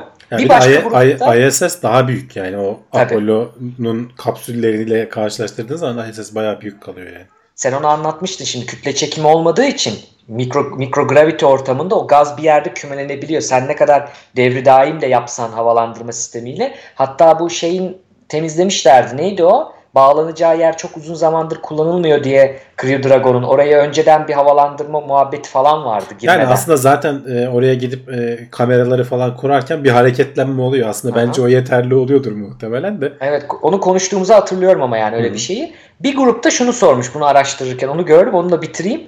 Ee, şimdi uzayda şey ortam sür, sürtünmesiz ortamdasın etkiye tepki. Acaba gaz çıkararak ileriye doğru atılabilir misin? Bunu merak Atı, etmişler. Atılırsın. yani. Bunu merak etmişler ama şey oluyormuş hamlem. Çok düşük bir e, etki olduğu yani. için olmuyormuş yani. Senin Öyle kocan hayal yani ettiğiniz gibi. 70-80 kiloluk adamsın yani. Seni bayağı ileri atabilmesi için bayağı bir şey yapman lazım yani. Aynen öyle. Etkiye ee, tepki ya çok hızlı yapacaksın Cevdet. E, ağırlığı az olacak ya da çok büyük kütleli yapacaksın. Hızı az olacak. Yani o evet. momentum MV'dir ya kütle çarpı hızdır ya. E, onu sağlayabilmek için öyle bir durum olacak. Evet. Ya roket işte şeydeki gibi aslında aynı roket sistemleri. Hani ya kimyasal roketi yakacaksın arkadan böyle üfürecek kocaman ya da iyon motorları var. Çok hızlandırıp küçücük bir iyon atıyorsun. E, yavaş hızlandırıyor seni ama çok az bir şeyle e, yakıtla bayağı uzaklara hızlanarak sürekli hızlanarak gidebiliyorsun. Evet. Ee, bak şeyi sormuşlar. Uzay istasyonu tüketilecek yiyecekleri açtan lever kesin vardır. Yani bilmiyorum net ama var olduğuna. Ya bir ara şeyi e, bile yaptılar hatta. Kendi ürettikleri bir şeyleri bile yemelerine izin verdiler. Normalde dünyaya falan getiriyorlardı o e, şeyleri ne denir lahanaları şeyleri marulları falan izin vermiyorlardı. Sonra son bir ara haberini okuduğumu ben hatırlıyorum. Kendi ürettikleri marulları yiyebilmişlerdi ama tabi gene de kontrollü olman gerekiyor. ISS'te dediğim gibi biraz daha rahatlar. E, evet. Ee, o Apollo dönemindeki 50 sene önceki astronotlar gibi. Çünkü onlar zaten kısa süreli gidiyor. Bunlar bir gitti mi 6 ay kalıyor. Adam ona göre daha tabii besinleri vesaire falan daha düzgün oluyor. Onlar hani bir hafta idare eten hani ölmemek için işte e, işlevlerini yerine getirebilmek için yemeklerini ona göre yiyebiliyorlar. Evet. Kütle çekimi yok demedim. E, microgravity var dedim ISS ile ilgili. Ötekine de sürtünme yok dedim. Kütle çekimi yok de, demişim gibi anlaşılmış ama değil. Bunu düzelteyim. Şöyle şimdi buradan aslında uzaydan Hamdi abi istersen dünyanın en derin çukuruna doğru gidelim. Böyle bir büyük bir değişim evet, olacak en, ama. En yüksekten en dibe. Evet. Mariana Çukuru bak orada videosu da var. E, gerçek çekilmiş 2016'da e, galiba. Şimdi bu Mariana Çukuru çok meşhur. Dünyanın en derin yeri. İşte hatta şey koyuyorlar işte Eyfel Kulesi falan koyuyorlar. Bir kere 11 kilometre derinliğinde deniz seviyesinden 7 mil demişler. Aşağı, 3 aşağı 5 yukarı işte 11 kilometre ya da Hı. 36 bin feet. 36 bin feet de şöyle diyeyim bir yolcu uçağının uçabildiği bir irtifa. Normalde uçtuğu bir irtifa. Yani yerden o kadar yüksek olduğunuzu düşünün. Onun bir de denizden bir o kadar aşağı gittiğinizi düşünün. O kadar derin yani. E, o yüzden e, çok ilginç bir yer. Çünkü şeyi merak ediyorlar. Bu kadar yüksek bir basınçta. Bu da ne demek? Üzerinde 11 kilometrelik kalınlıkta su kütlesi var demek. Acayip derecede büyük bir e, basınç demek. Bu acaba ne yapıyor? E, bunu merak ediyorlar tabii ve burada yaşayan canlı Bu, var mı? Evet yaşayan canlı. Ya bir de uzayda uzaya gitmektense buraya gitmek daha zor.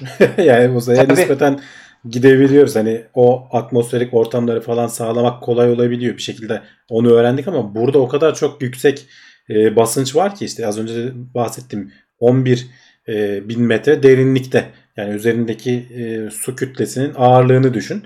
E, ona dayanabilecek cihazları daha yeni yeni yapabildik. E, 2012'de miydi neydi galiba onun dibine kadar ulaşabilen e, hatta James Cameron'dı galiba o şeye. O tabii şey uzun kalan daha önce gidenler olmuş. Evet çok kısa bir süre kalabilmişler. 20 dakika yani. kalmışlar. Ee, daha ve, sonra ve canlılık var mı yok mu onu bilmiyoruz. Hani şey olarak e, bilmiyorduk daha doğrusu. Şimdi bir şeylerin yaşadığını falan biliyoruz orada.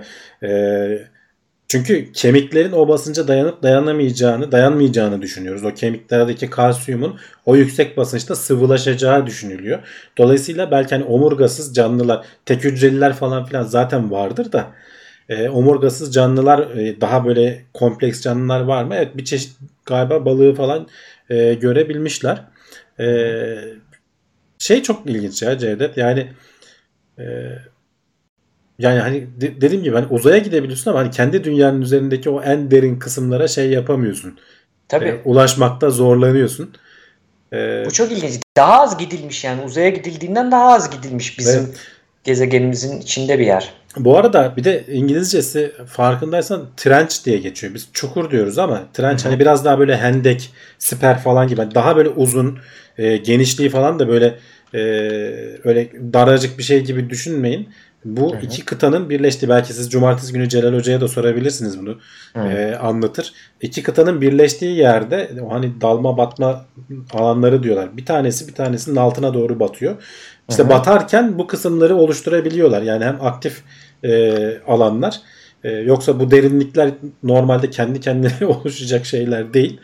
E, hani dünyanın en yüksek e, tepesini işte Everest tepesine alıp buraya koysam bile gene su su kütlesinin 2000 metre falan altında kalıyor. Yani ilginç çok ilginç yani. E, bu tabii evet dediğin çok doğru. Yar belki diye çevirebiliriz yani trench'i burada. Çünkü hilal şekilli bir e, kesik bu. Bu kesiğin içi derine kadar iniyor. Bunun en derin noktasını biz işte 11 kilometre diye veriyoruz. Ama bu tek başına hani böyle bir su kuyusu gibi aşağı doğru dik inen bir yer değil. O dediğin çok e, doğru. Ben de şey dikkatimi çekti Hamdi abi. Şimdi 60'ta gitmişler. E, bir şey orduyla karışık zannediyorum şu Navy diyor. Tamam gittiler gördüler ama Amerikan işte donanması gitmiş. Ama hmm. sonra bir bilim insanı bir üniversite falan gitmez mi? 2012'de yönetmen gidiyor. Hollywood'dan James Cameron gidiyor. Kendi denizaltısıyla tasarladığı evet diye tasarladığı. Hani yani ona mı kaldı yani hani tamam bilim insanı değil ama tabii çok önemli görüntüler çekmiş falan. Yani önemli şeyler çıkıyor bilim insanları için ama ilginç bir şey benim o ilgimi çekti. Hani gitmesi zor bir yer. İşte kaynak, gidiyor. kaynak ayrılmış. Kaynak, para kaynağı. İkna edemem. Uzay kadar ilginç gelmemiş insanlara. Evet. E, yetkililere diyelim. Şey ilginç yani şimdi derinlikleri anlamak açısından mesela burada bazı şeyler var. Denizlerde, okyanuslarda yaşayan canlıların hani çok büyük bir kısmı 660 feet'in altına inmez diyor. Yani çevirsek işte 250 metre falan diyebiliriz. 200-250 metre arası derinliğin altına canlıların çok büyük bir kısmı inmiyor. Hı Ee, nükleer denizaltılar 850 feet işte hani 300 metre hadi diyelim 400 metre derinlik işte 400'ü bulmuyor bile ya 1200 falan eder. Ee, 300 metre 250-300 metre aralığında bir derinlikte e, hareket ediyor. E, balinaların da işte 8200 feet onu çevirirsen hani 2500 metreye falan e, dalabildiğini biliyoruz. O yüzden hani 11 bin dediğin zaman gerçekten çok derin. Tabii. Ee, Demin verdiklerin feet e, feet olarak cevap verirsen yine hani 8, 30 bin 8, küsür feet 36 ediyor, bin evet. 36 bin feet yani aradaki farka baktığın zaman evet. e, çok ilginç çok çok ilginç bunlar. E, bu derinlikler de önemli şeyi söylemişiz. Ee, evet yani 8000 feet'in altında gözükmüyor. Mesela şeye örnek vermişler. Titanic'in biliyorsun okyanus tabanına e, batıyor ya Titanic. Hmm. Titanic'in bulunduğu derinlik 12.000 feet. Yani Titanic'ten 3 kat daha derinde öyle evet. düşün. Ve ona Titanic'e bile ulaşmaları çok uzun zaman aldı yani. Tabi tabi. Onu da yine James Cameron mı inmişti acaba evet, ya? Yine öyle bir, evet, Film, öyle bir filmi de çeken o zaten galiba sanırım. Hı-hı. Ee, onun yani, bir merakı var denizin dibine. Bu tarz işleri adamın evet kendi parasını oraya harcıyor. Bir şey önereyim. ismini unuttum oyunun da eskiden oynamıştım. Bir oyun e, bu şeyin grubuyla iniyorsunuz. Cameron'ın grubuyla Titanic'e e, denizaltı. Bir yere kadar gidiyorsunuz. Sonra küçük orada böyle bir robot vardı. O robotla derine inip e, Titanic'ten eski ne bileyim işte şey kolye işte neydi hmm. okyanusun kalbi bilmem ne onları çıkarıyorsunuz ve oyunda onu satıyorsunuz müzayedede. Kazandığınız parayla da şeyi upgrade ediyordunuz. E, denizaltınızı upgrade ediyordunuz. Böyle bir oyun vardı. Çok hoşuma gitmişti. Şey ama böyle hani sessizlik, derinlik, o Titanic'in içi falan. E, güzel bir oyundu. Tavsiye ederim. İsmini bulursam e, yazacağım. Oynamak isteyenler için tavsiye edeyim. Güzel bir oyundu. Steam'de var mı bilmiyorum. Ee, evet Mariana Çukuru'ndan gelelim. Suyla uğraşıyoruz. Sabun bu aralar çok önemli. İşte sabunla elimizi en az 20 saniye yıkayacağız. Dünya Sağlık Örgütü'nün tavsiyesi hepimiz öğrendik artık. Hatta el egzamaları oldu sabunla yıkamaktan falan. Abartanlar diyorsun. E, tabii ilk zamanda oluyor ama birçok insana olmuş o. E, bir sıklıkta yıkamaya başlayınca. E, ya şimdi, bunun hikayesi yani sabun dediğimiz nereden çıkmış? Evet yani su ve sabun hani en kolay temizleme malzemeleri. Hani günlük hayatımızda artık hani çok sık kullanıyoruz ama aslında insanlık insanlığın tarihinde eski olmasına rağmen kullanımı yani insanın hijyeni için kullanımı o kadar eski değil. Yani son 150 belki 200 yıl öncesine kadar dayanıyor öyle diyebiliriz. E, yaygın kullanımı tabii yani tek tük kullanan illaki vardır. E, niye kirli tarihi dedim? Çünkü sabun üretmek aslında hani ilk başlarda kirli bir iş. Çünkü e, hayvan yağlarından e, ve kül suyu dedikleri böyle e, kostik de denir. E, belki sabun üretenler vardır izleyicilerimiz arasında. E, kimyasal bir terim zaten. Hani tahtanın ya... yanmış tahtanın küllerinden evet, mi? Ağaç küllerinden. Evet evet ağaç küllerinden o işte e, odun kömürü dedikleri şeyin küllerini suyla karıştırıyorlar. Bir süre sonra süzüyorlar sanırım. O böyle bazik bir sıvı, alkali bir sıvı e, ya üretilmesini sağlıyormuş. Onu da karıştırdığın zaman işte biraz böyle kaynatarak vesaire falan e, ta aslında hani çok eski devirlerden Romalılar zamanında falan bilinen bir yöntem sabun üretme. E, ama dediğim gibi hani hatta daha önce Mezopotamya'da yaşayan e, kavimlerin zamanından kalan bir şey. Ee, ama böyle bizim anlam bildiğimiz anlamda katı sabun değil. Bunlar daha çok böyle kremimsi, pomadımsı bir şey e, üretebiliyorlar. Bunun e, kirleri söktüğü, yağları çözdüğünü fark ediyorlar ve daha çok şey için kullanıyorlar. E, ne denir? Yünleri e, temizlemekte. Hani elbise haline getirmeden önce işte yünleri, çamaşırları vesaire falan temizlemekte kullanıyor. Hani kendilerini temizlemekte kullanılmıyor bu. E, Hatta o zaman burada ilginç bir şey söylemiş. E, Romalı kaynaklarda milattan sonra 77 yılında falan geçiyor. Yani sabunla temizlenme vesaire falan. Ama asıl ona, o devirde hani şeyle Roma'nın hamamlarından vesaireden bahsederiz. O devirde insanlar nasıl temizleniyordu diye sorarsan burada böyle bir yan bilgi var. Şu ekranda görüyorsun. E, bir şişe ve bir tane e, böyle metal bir parça var. E, normal suyla yıkandıktan sonra hamamda e, kendilerini zeytinyağıyla tamamen ovalayıp Sonrasında da kirleri bu şey kısımda metal kısımda vücutlarından alıyorlar. Zeytinyağının fazlasını ve işte dolayısıyla beraberinde kiri de e, yani öyle bir sabunla temizlenme kültürü hani Romalılarda sabun bilinmesine rağmen e, işte çamaşırlarda vesaire yünlerde kullanılmasına rağmen insanlarda insan temizliğinde kullanılmıyor.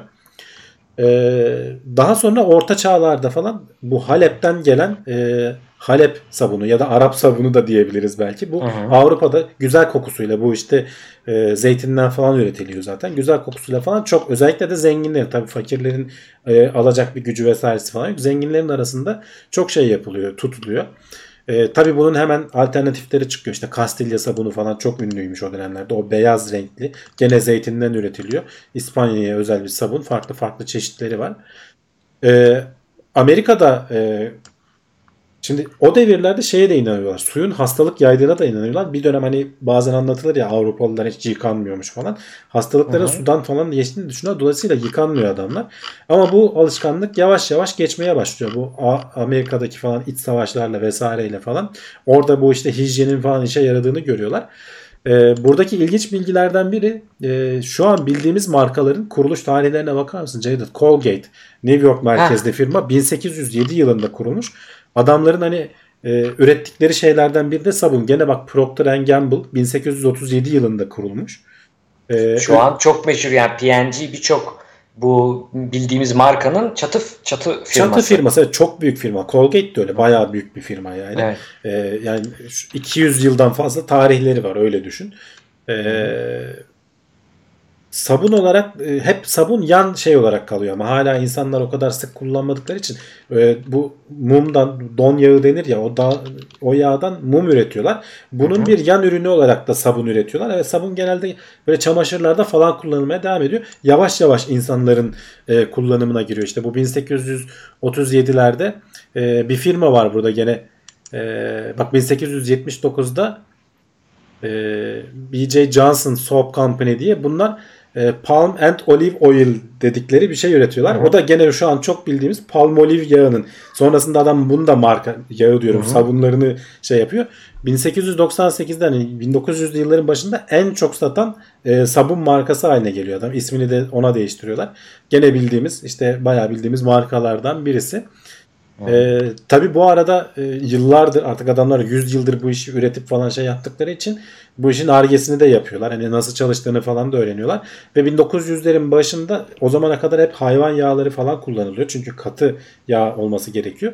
Hidrojenize, hidrojenize yağları öğrendikten sonra artık bitkisel yağlardan da hani margarinler falan var ya şimdi. Onlardan da sabun üretmenin tekniklerini öğreniyorlar. Dolayısıyla e, bu kokulu sabunlar vesaireler falan bir patlama yapıyor. Tabii bir yandan deterjan sektörü falan da çok gelişiyor. Dolayısıyla yani bizim şu an hijyen olarak bildiğimiz e, günlük hayatta çok böyle kullandığımız şeyler e, bunlar hani 3 nesil öncesinde yoktu. E, ben hani kendi dedemle falan da konuştuğumda oğlum öyle sabun mabun yoktu. Biz işte külle e, bulaşıkları hmm. külle şöyle silerdik diyor. Biraz suya tutardık. Sonra bir daha kullanırdık diyor. Yani öyle e, sabunla sürekli ben yerleri sileyim bilmem ne yapayım falan. Bak elbiseleri temizlemek, yerleri silmek falan böyle genel temizlikte daha önceden kullanılmış. Tabii yani insan üzerinden önce daha çok evi temizlemek, evet. E, çamaşır yıkamak için kullanıyor. Kimse hani kendisini temizlemek için akıl etmemiş yani.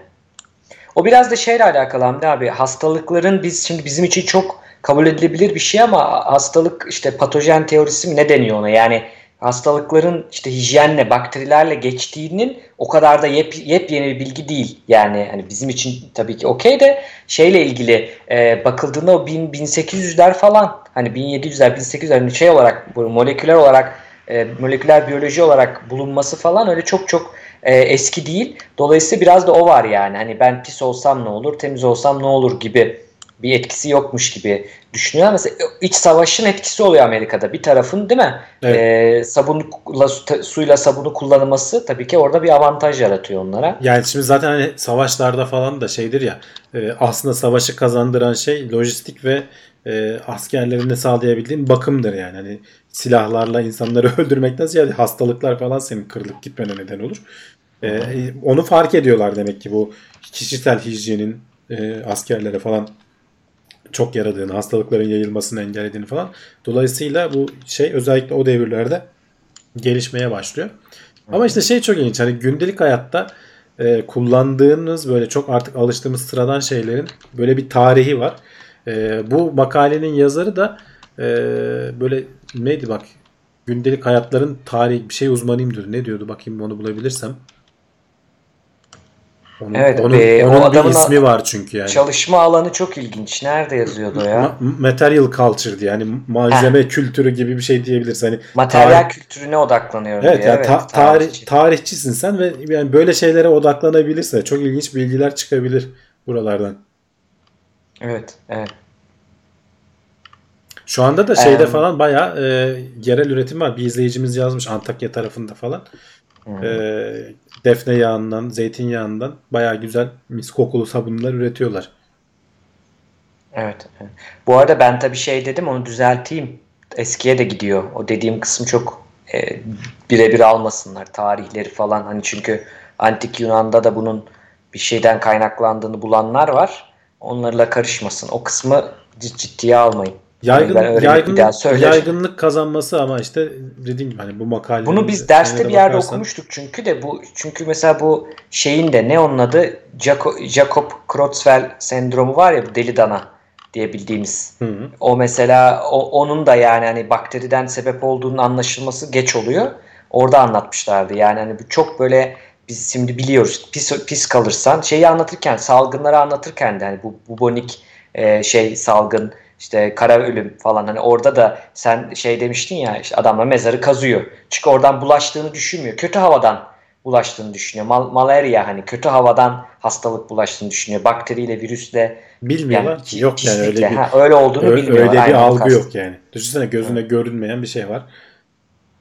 Seni hasta ediyor. Bugün de var Hamdi abi şey diyorlar ben korona göremiyorum. Yoktur o zaman. Doğru. Diyenler evet. var. İşte o, o daha yaygın bile. o dönemlerde. evet o daha yaygınmış.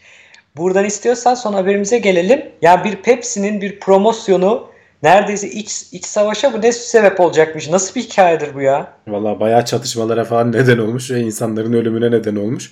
Ee, Filipinler'de değil mi? Büyük, büyük çuvallamışlar. Evet. Pepsi işte daha önce de konuşmuştuk. Rus pazarına girmeye çalışıyor. İşte Coca-Cola'dan pazar kapmaya çalışıyor. Filipinler de işte 68 milyon o zamanki nüfusuyla hani büyük bir kitle. Oralardan da yani böyle iştahı kabartan bir e, pazar diyelim. Ee, oraya girmek istiyorlar ve işte ama halk fakir. Hani çok fazla işte böyle içeceklere falan kaynak ayıramıyor. Hani onları tetiklemek için e, alma inisiyatifi oluşturmak için e, hediye verelim, çekiliş verelim. Hani bizde de zaman zaman olur işte kapağı açarsın. Orada bir tane böyle kod yazar. O kod sonrasında çekilişle bir şeyler kazanırsın. E, Pepsi aynen bunu yapmış ama hani büyük ödül 40 bin dolar iki kişiye verilecek. E, ama toplamda hani adamların bütçesi 2 milyon dolarmış. 2 milyon dolarlık bu işe bir kaynak ayırmışlar. E, işte binlerce kola satılacak.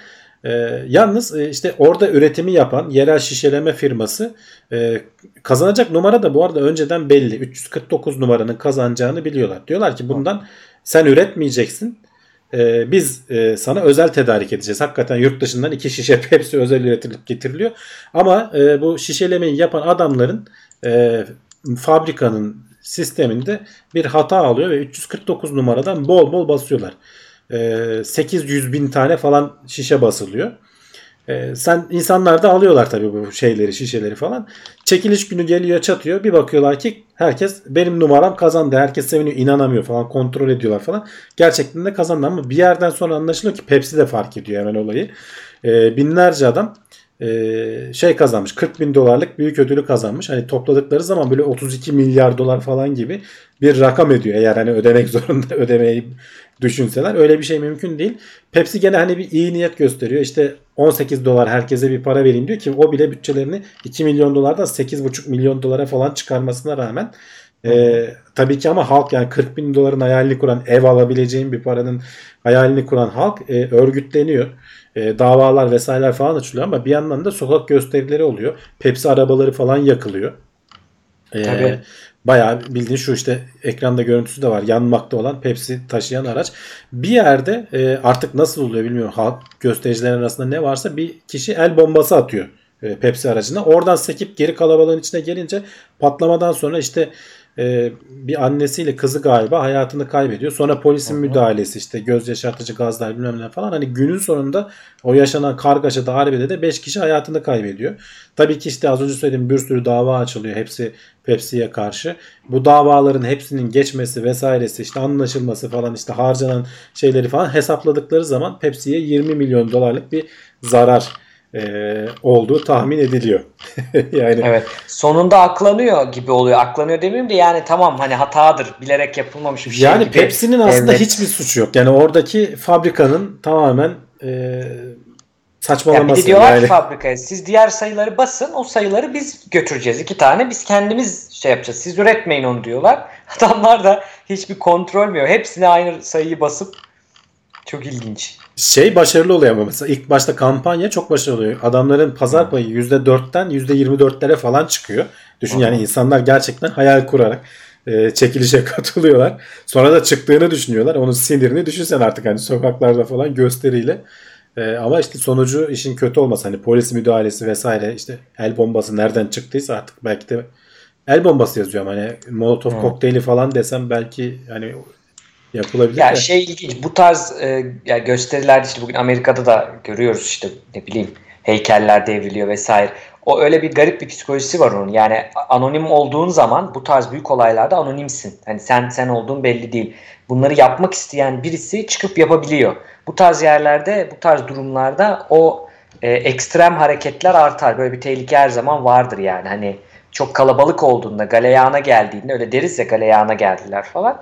Hani senin hiç amacın öyle değil ama bir kişi arasından cidden o bombayı alıp böyle niyeti iyi veya kötü, iyi olamaz yani el bombası gelmiş kötü niyetli biri gelip bunu yapabiliyor ve şey yapamıyorsun hani belirlemen çok zor. O da onu bildiği için, belirlenemeyeceğini bildiği için hani internette de konuşmuştuk. Anonimlik tehlikeli bir şey. Yani insan anonim olduğunu ve yaptığı hareketlerin sonuçlarından ötürü e, yargılanamayacağını, sorumlu, evet. ha, sorumlu tutulamayacağını fark ettiği anda belli e, şeyler, e, ket vurmalar kalkıyor. Belli durdurmalar kalkıyor ama ondan sonra el bombası salla gibi şeylere gelebiliyor. Tehlikeli. O yüzden bu tarz olaylar e, tehlikeli her yerde. Dikkat etmek lazım.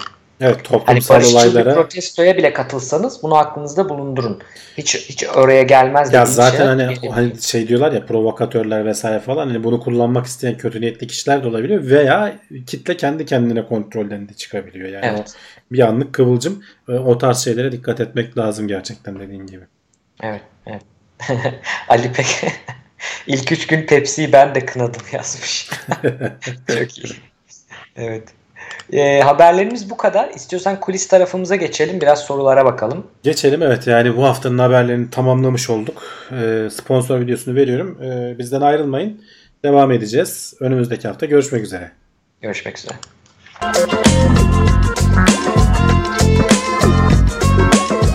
Tailwords teknoloji ve bilim notlarını sundu.